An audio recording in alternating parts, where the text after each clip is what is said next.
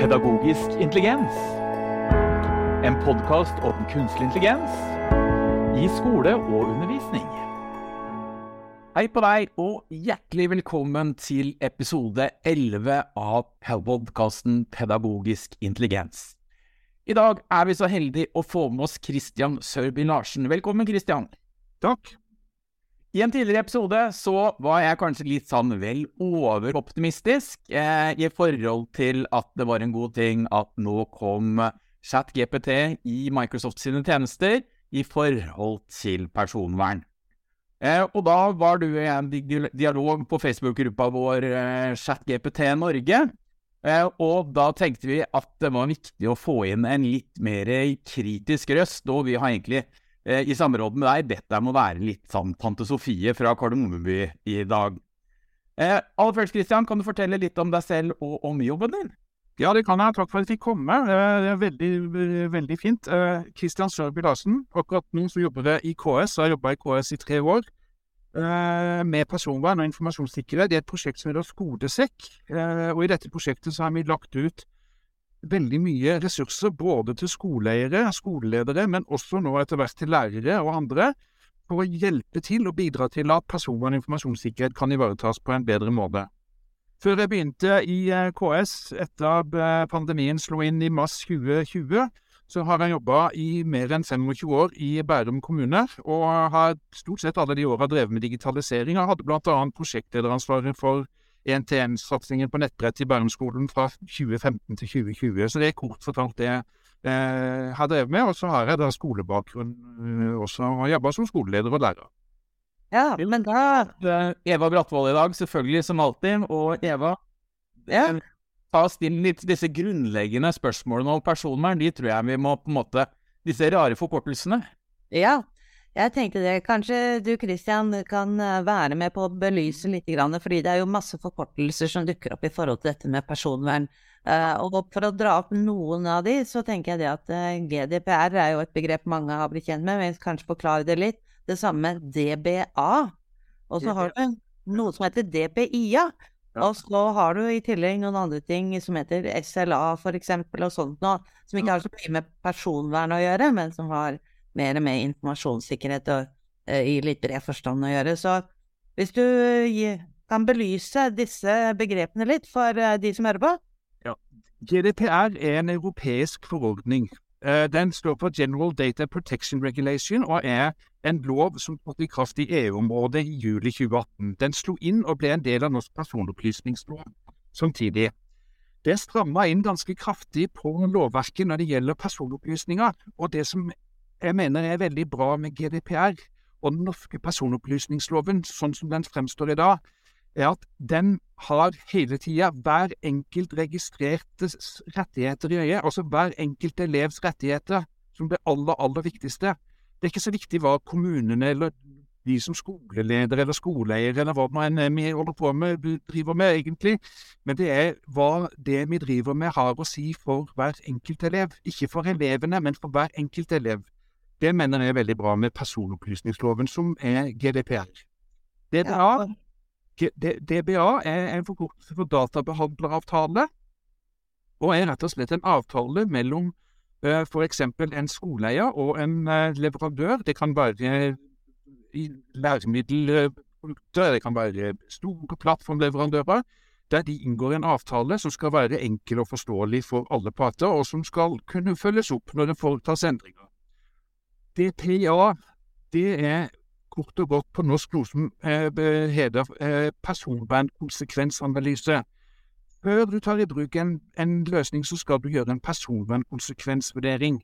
Og Der skal du bl.a. ha med som bakgrunn i loven elevene, foreldrene og lærerne, for å finne ut av hvilke risikoer står vi i møte med å ta i bruk denne løsningen. Og eh, SLA er jo det som på engelsk heter Service Level Agreement, og er som du sier på informasjonssikkerhetsbiten, og handler om hvilket nivå eh, servicen fra leverandøren skal ligge på. Så jeg vet ikke om det var kort, de begrepene du hadde der inne nå, Eva. Det er i hvert fall ja. korte og forhåpentligvis korte eller enkle eh, og klart talt vurdering av liv. Ja, og det som er da saken, bare liksom så vi slår fast, slår fast det, slår inn litt åpne dører kanskje, det er jo da at når man tar i bruk en digital tjeneste, Mm. så må man ha disse tingene på plass. Man må ha en databehandleravtale. Den skal ivareta GDPR, og man skal også gjøre en analyse av eh, denne tjenesten, altså konsekvensene for personvernet på den ene sida, eh, men også eh, eh, og, og da vil det vel handle mye om at man skal se eh, er, står de, de opplysningene jeg gir fra meg, står de i stil til verdien av den tjenesten jeg får? Ja, det er ganske riktig. Og det som er viktig her, er å huske på at det er en sånn et løp som er litt viktig å ha eh, orden i sysakene på. Det at man begynner med å gjøre det man kaller for en innledende vurdering. Det vil si at man begynner å vurdere om dette her er noe man trenger, om det er i det hele tatt mulig å ta den i bruk. Og hvis svaret på det er ja, så må du gå videre til en risikovurdering. Nå har jeg gjort den risikovurderingen, og det er faktisk ganske gøy. og Jeg har gjort det mange ganger med elever. og Da får du frem risikoelementer og faremomenter som er helt uh, utenkelige i ditt eget hode, men som en gammel mann som pusher 60, så er det ganske greit av og til å ha det perspektivet at dette her er gøy. Elever er fine, elever ser ting vi ikke ser. Og når du har gjort den risikovurderingen, så må du gjøre en personvernkonsekvensvurdering. Og når disse tingene er på plass, og du har sjekka det ut, så gjør du en databehandler. Så det gjør du til sist når du har på en måte bilder over hva løsningen gjør. Og så må du passe på at det å gjøre en personvernkonsekvensvurdering eller en ROS eller en databehandleravtale, det er ikke en engangsaffære. Det er en kontinuerlig prosess, og det må følges opp. Noe av det som Magnus snakka om i begynnelsen her, dette med at uh, ChatGPT integreres og gjøres som en del av andre tjenester, det er noe av det mest utfordrende for de som driver og skal passe på de løsningene vi dytter ut i norsk skole, nemlig de endringene som skjer. For det er da det virkelig begynner å brenne, når man gjør disse tingene her, sånn som vi erfarer det. Så det du sier eh, nå, Christian, er egentlig litt sånn at selv om man allerede har en databehandleravtale på plass, Mm. når det kommer nye ting til, sånn som Ja. i dette tilfellet her, at man integrerer kunstig intelligens i programvare man allerede har kjøpt lisens Mm. på, og man har en databehandleravtale på, Mm. så anbefaler dere, eller eh, pålegges det, at man eh, skal gjøre de, den jobben på nytt. Ja, det er pålagt. Du er nødt til å gjøre det. Riktig. Og hvorfor det? Da kommer, vi jo, da kommer vi til den utfordringen, da, Kristian, eh, som er da at nå er det jo på moten med kunstig intelligens. Det kommer overalt.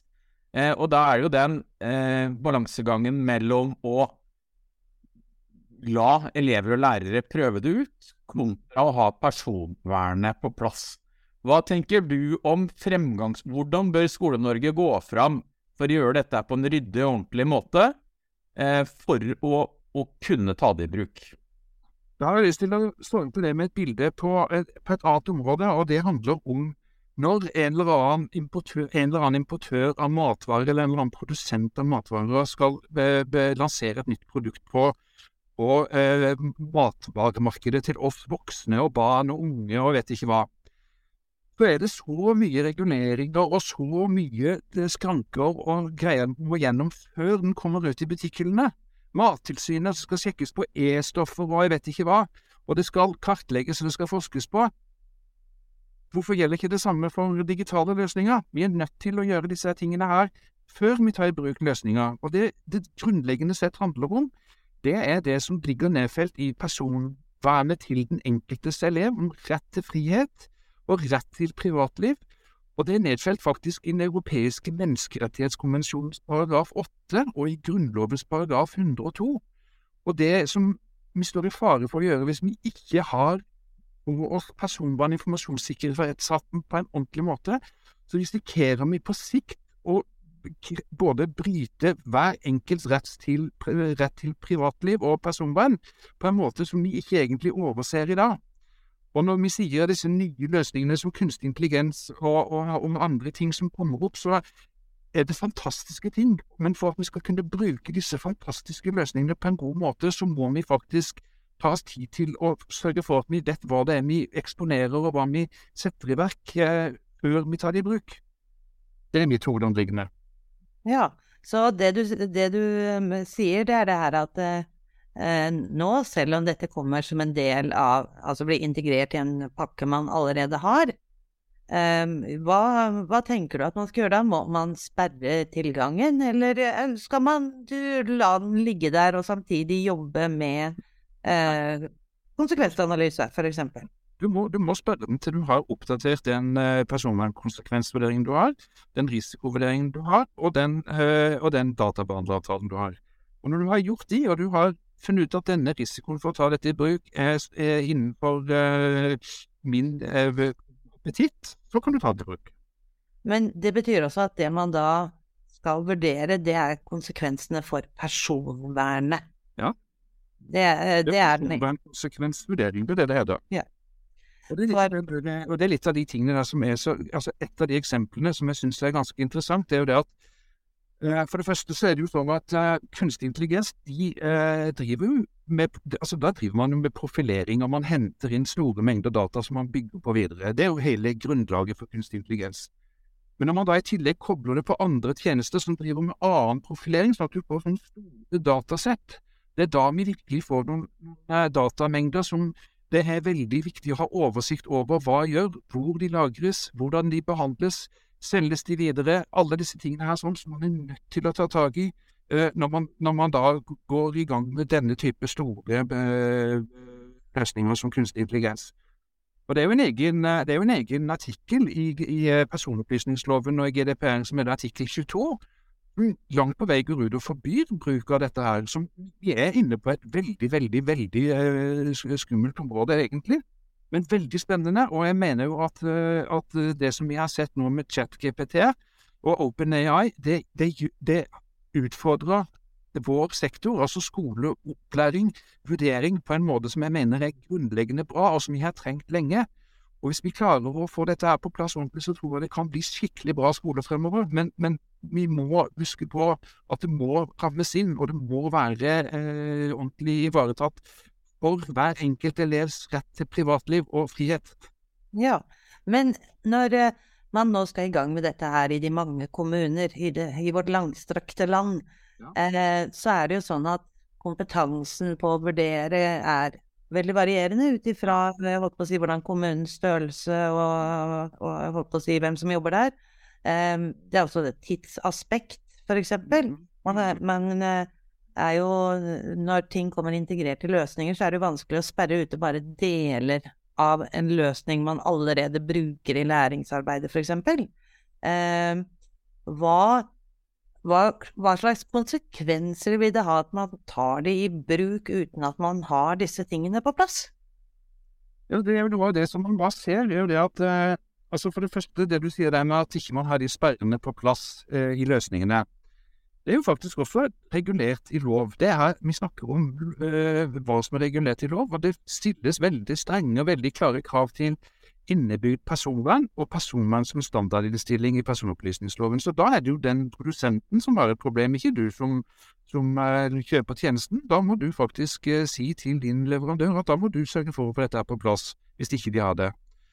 Og så til dette her med hvilke konsekvenser det kan få. Det, vi møter veldig ofte det at det er ikke så nøye det her med personvern, jeg er ikke noe skjula likevel. Men det er jo ikke det det handler om. Det handler om hvordan data av, om og med der brukes og, og, og, og eh, settes sammen og kan brukes og selges. og det, det er de konsekvensene på lang sikt som vi allerede nå er nødt til å være veldig, veldig øh, begge med og, og, og ta på det største alvor.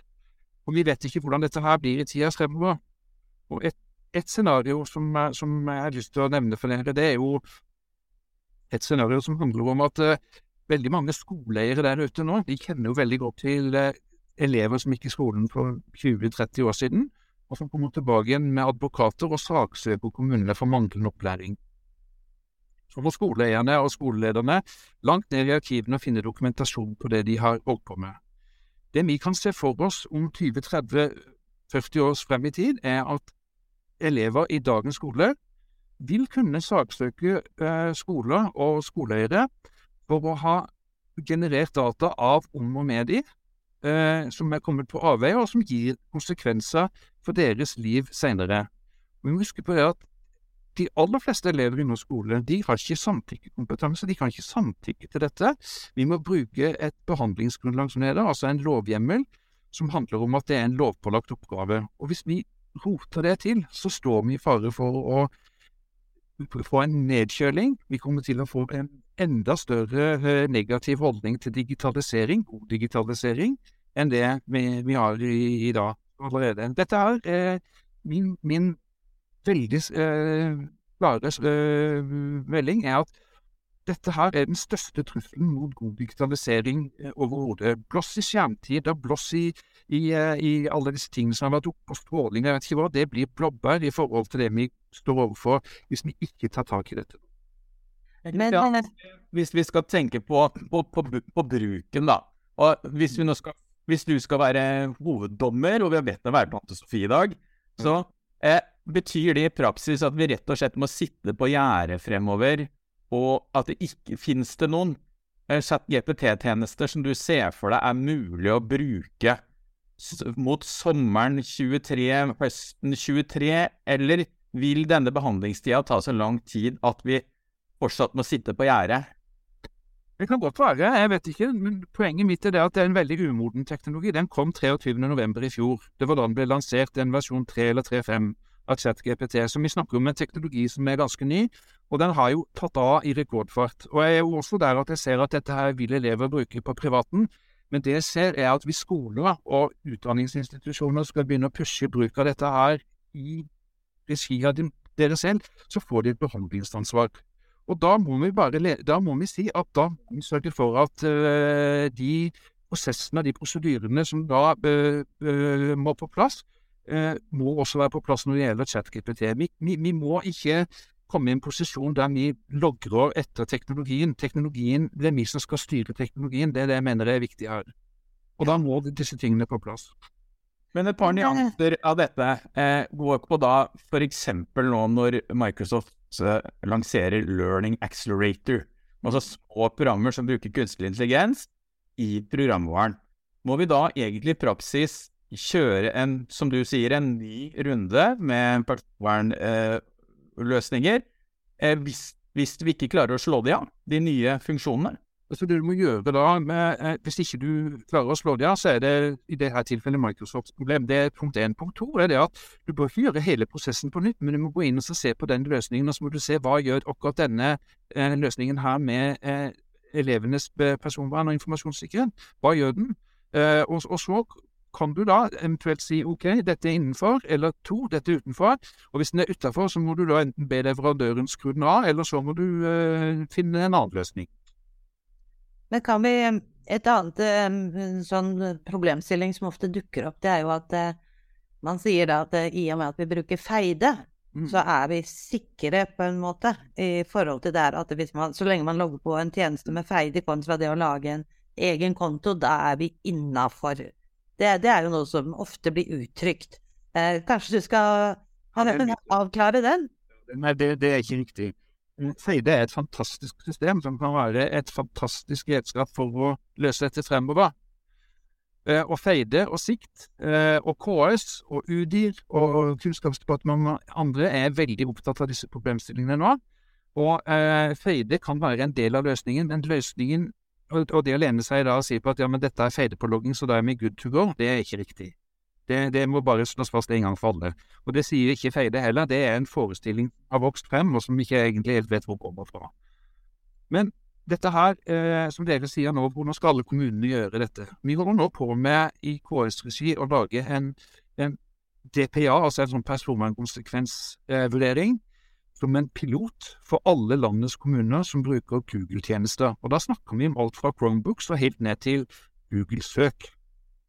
Og Det er fordi at vi ser at dette her er så store og tunge prosesser at mitt prosjekt, Skolesekk og KS, har bestemt sammen med Bergen kommune at vi vil prøve å gjøre en vurdering som de fleste kommuner kan ta til seg og tilpasse sin egen bruk, og, og eh, komme bedre ut av den andre enden med at de har personvernkonsekvensvurderinger og risiko- og sårbarhetsanalyser som er på stell. For Det vi vet, er at dette her er et område som det er veldig lite på stell.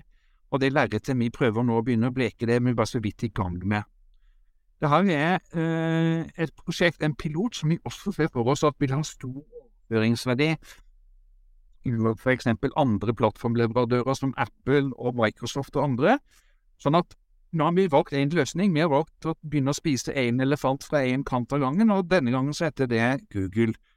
Uh, det, uh, men mye av de samme utfordringene som gjelder for Google, gjelder for Microsoft og for Apple og for andre løsninger. Gå helt ned til uh, løsninger som står på Amazon webservere, f.eks. Akkurat det samme der. Sånn at vi er all, alt av skytjenester må vi på en måte prøve å finne løsninger på som man kan, løse, som man kan vurdere på nasjonalt nivå. Fordi det som vi fra vår side ser for oss at uh, er viktig å poengtere, er at å gjøre disse omfattende vurderingene i 356 kommuner og 11 fylkeskommuner, det er helt vanvittig bruk av ressurser. Og det er veldig kostbart og krevende. Ja, men så bra. Da en uh, nasjonal eh, i hvert fall veileder, eh, som man kan ta i bruk eh, for dette her. Tror du at man kan se for seg at det blir en nasjonal godkjenning etter hvert òg, sånn at den enkelte kommune og fylkeskommune slipper å eh, tilpasse det til seg selv? At vi sier at det i, i Norge, på en måte? Altså det, vi, det, vi, vet, er jo det at uh, godkjenningsordningen forsvant vel ut i omtrent 2000 eller noe sånt nå, fra Utdanningsdirektoratet. Uh, så de, de, vil være veldig forsiktige med å gå inn i en, en sånn godkjenningsordning, men en form for sertifisering, en eller annen form for, for vurdering på nasjonalt nivå, altså sånn type trafikklystmodell. Uh, og at disse tingene her vet jeg at det diskuteres, og at det utredes hvordan dette her kan gjøres. og det også, også øh, veldig spennende å se om den nye digitaliseringsstrategien for barnehageoppvekst kommer til å svare ut noen av disse utfordringene. For vi vet at det ble spilt inn veldig mye på dette her fra både Utdanningsforbundet og fra foreldre og fra øh, kommuner og andre, at det er personvern og som er det aller mest krevende. Og det håper vi selvfølgelig at det kommer til å, å, å komme frem da både i, i eh, digitaliseringsstrategien, og også i handlingsplaner og tiltaksplaner i etterkant av det. Men hvis du nå er skoleleder ute på en eh, mm. eh, middelstor skole et sted i, i Norge, mm.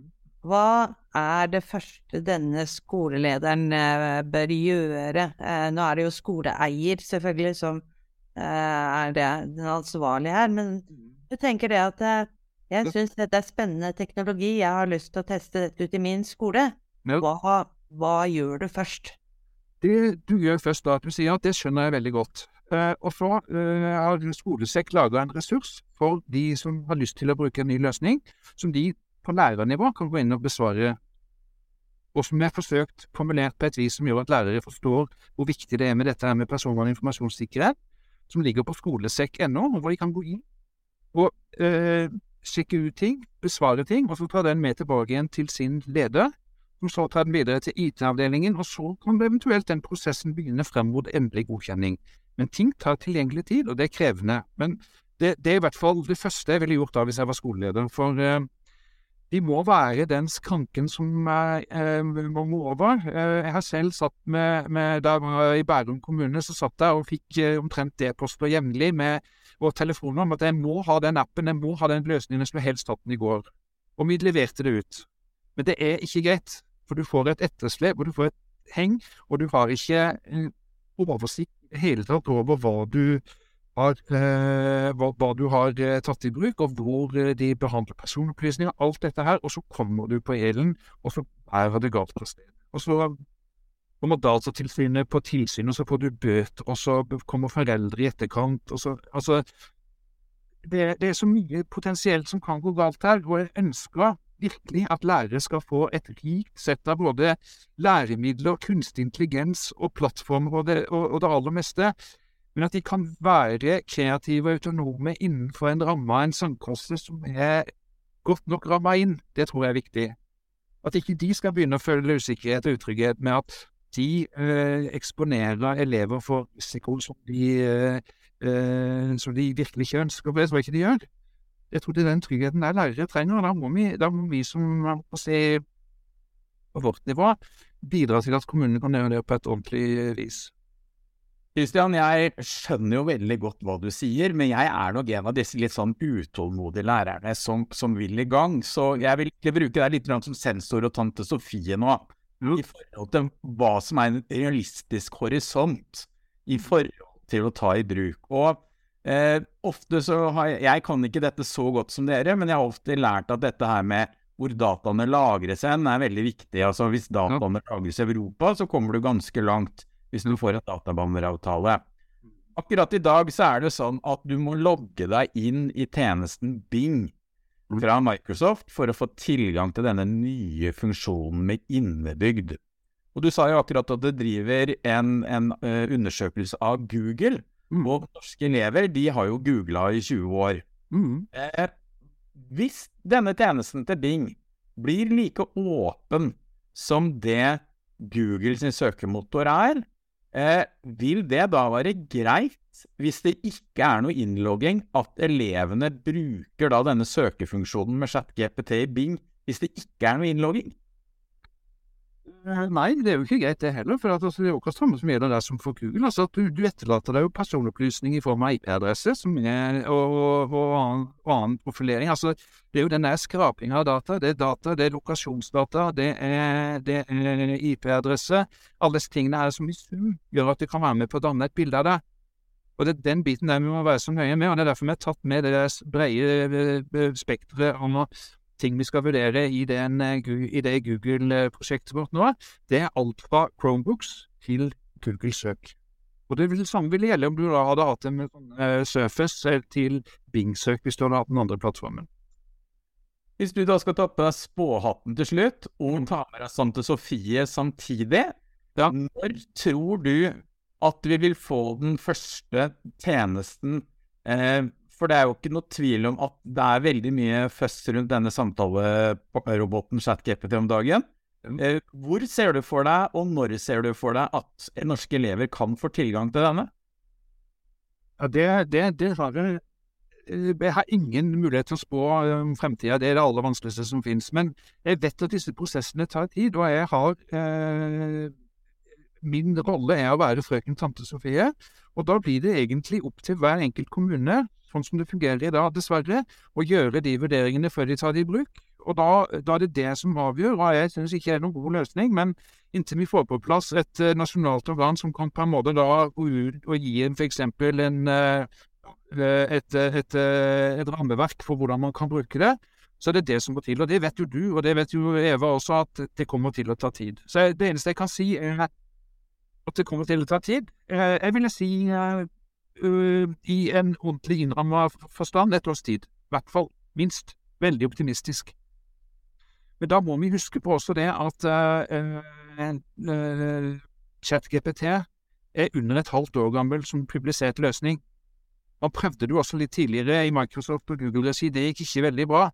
Og så har man prøvd å, å tilpasse det og gjøre det bedre, og, og uh, OpenAI har jo gjort et stort stykke jobb, og jeg vet at Bad til Google også er mye bedre innrammer nå enn det det var tidligere. Men, men samtidig så ser vi jo også øh, veldig mange av de uh, elementene i uh, ChatGPT og, og, i BAD som ikke er forenlig med det lovverket vi har per i dag. Artikkel 22 i GDPR er veldig tydelig på dette, dessverre. Ja. Men vi kan vel kanskje da også se for oss at det faktisk kan bli litt ulik praksis i Norge. At, det, at vi vil få noen kommuner som gir tommel opp, mens andre gir tommel ned. Det er i hvert fall det vi har sett tidligere. Ja.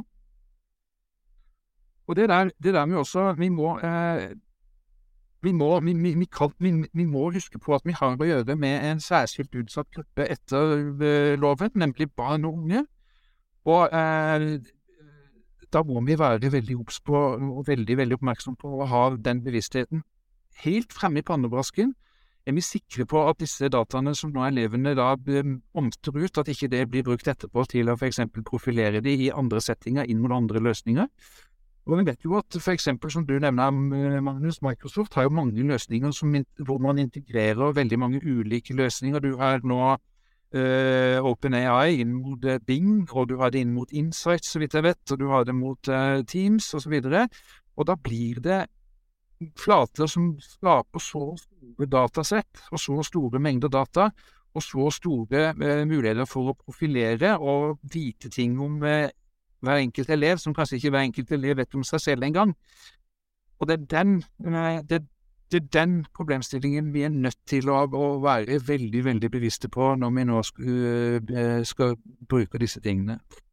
Og så vil jeg jo igjen si at eh, personlig så syns jeg ChatGPT og, og kunstig intelligens har et fantastisk potensial til å kunne gjøre skole både mer relevant og eh, fra mitt eget ståsted så mener jeg jo at den diskusjonen som har vært i skolen om at uh, ChatGPT er juks, uh, er fullstendig feilslått. Fordi uh, elever fra møblerte hjem, som har fått hjelp av foreldre og besteforeldre til å svare ut oppgaver, de blir berømma for det, mens elever som kanskje kommer fra fullt så møblerte hjem, og som bruker kunstig intelligens, blir anklaga for juks. Jeg syns det er et ganske bra bilde på hva kunstig intelligens potensielt kan gjøre og hvilket potensial det har. Ja, og ikke bare det. Vi har jo hatt en tidligere podkastepisode hvor Magnus har snakka om at han ser på kunstig intelligens som dyslektikerens beste venn. Ja, for eksempel. Eh, og det er jo ting å, å ta med seg, men eh, eh jeg syns dette har vært veldig interessant, Kristian. Mange sider som har blitt belyst. Um, litt pekefinger opp, men det var jo bestillinga i dag ja. Eh, på hva som måtte gjøres. Mm. Og så vet vi nå da at du holder på med dette spennende prosjektet, mm. eh, som kan ha overføringsverdi til andre plattformer. Er det noen andre eh, ting som man bør holde seg oppdatert på? Altså gjør dere i KS f.eks. noe mer? Du snakka om at dere hadde veiledere. Eh, det, det er det vi har utarbeidet nå i mitt prosjekt, dette skolesekkprosjektet. Og der har vi jo da laga, sammen med sektoren eh, sammen med Vi har en egen arbeidsgruppe i, i prosjektet vårt på 12-15 stykker som er med der. fra og De strekker seg fra alt fra pedagoger til jurister og til teknikere som er med og, og jobber med dette. Og vi har sammen utarbeida mye ressurser som ligger på skolesekk.no. Og Det er da annet veiledninger, det er videoleksjoner, det er steg for steg veivisere med hvordan man kan uh, komme i havn med en ordentlig anskaffelse, uh, personvernkonsekvensvurdering, disse tingene her. Uh, det har vi utarbeida, det ligger ute åpent tilgjengelig, det behøver ikke pålogging, det er ikke noen personopplysninger som behandles der. Så det er bare å ta ned og bruke. Og så har vi laga kartleggingsverktøy og veiledningsmateriell hvor alle gruppene, både skoleeiere, ledere, og nå kommer vi også snart til å lansere en ganske stor pakke for lærere. Og der går vi inn på blant annet øh, Og der lanserer vi Det ligger for så vidt ute allerede, men der lanserer vi, relanserer vi dette med risikosafari. At du skal gå på, på fysisk jakt etter risikoelementer på egen arbeidsplass. For personvern er er jo ikke bare noe som skjer i det digitale. Altså, personvern er jo overalt. Eksempelvis så kan vi nevne lærerværelse med lister over barn med allergier. Det er jo et flagrant brudd på hver enkelt eh, elevs rett til privatliv. Hva skjer når en sånn liste kommer på avveie etter at en elev har tatt bilde av den? Det, altså, det er så mye som må tas hensyn til, som ikke vi har vært flinke til før. Og det er der vi, det, det, det der vi prøver å, å bidra til eh, at, at, vi når helt ut til hver enkelt elev, gjennom lærere, gjennom skoleeiere og ledere, og, og sånn som dette her, eksempel, og prøve å snakke det frem. Og det er ikke enkelt, for det er veldig mange som syns at personvern er like gøy som å se på maling tørke, og, og, og det er jo eh, for mange akkurat det. men vi må prøve å gjøre det litt artigere og gjøre det litt mer forståelig. Og, og innledningen din eh, var nå med at jeg måtte oversette her. Det er helt klart det er noe av det aller vanskeligste vi driver med, og noe av det vi er dårligst på. Det, det er stammespråket. Det er skikkelig skumle greier, altså. Ja, men det viktigste å ta ut av dette her er at personvern er noe vi må ta på alvor. Ja. Eh, det er, kan være uante konsekvenser. Mm. Eh, som ikke vi kjenner til. Jeg husker jo tidligere direktøren i Datatilsynet, Bjørn Erik Thon, han sa det så godt en gang med at eh, man skal også ha dette med retten til å kunne bli glemt. Ja. Eh, og det var ikke på en måte summen av enkel Eller det er ikke de enkeltstående tilfellene i seg selv, men summen av de som kan eh, føre til uh, disse konsekvensene som vi kanskje ikke har helt overblikk over til å begynne med. Og det tror jeg kan være en veldig god slutt på dette her. Som sagt, eh, en mann pusher seg 55 eh, pluss pluss. Eh, alt det jeg holdt på med i min barn og ungdom, det er stort sett glemt. Den retten har ikke dagens barn og unge som driver med det samme som jeg driver med i min ungdom. Og det misunner jeg det ikke. Riktig.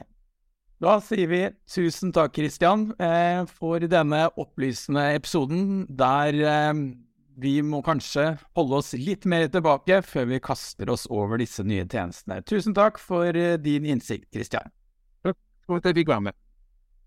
Ha det bra. Ha det.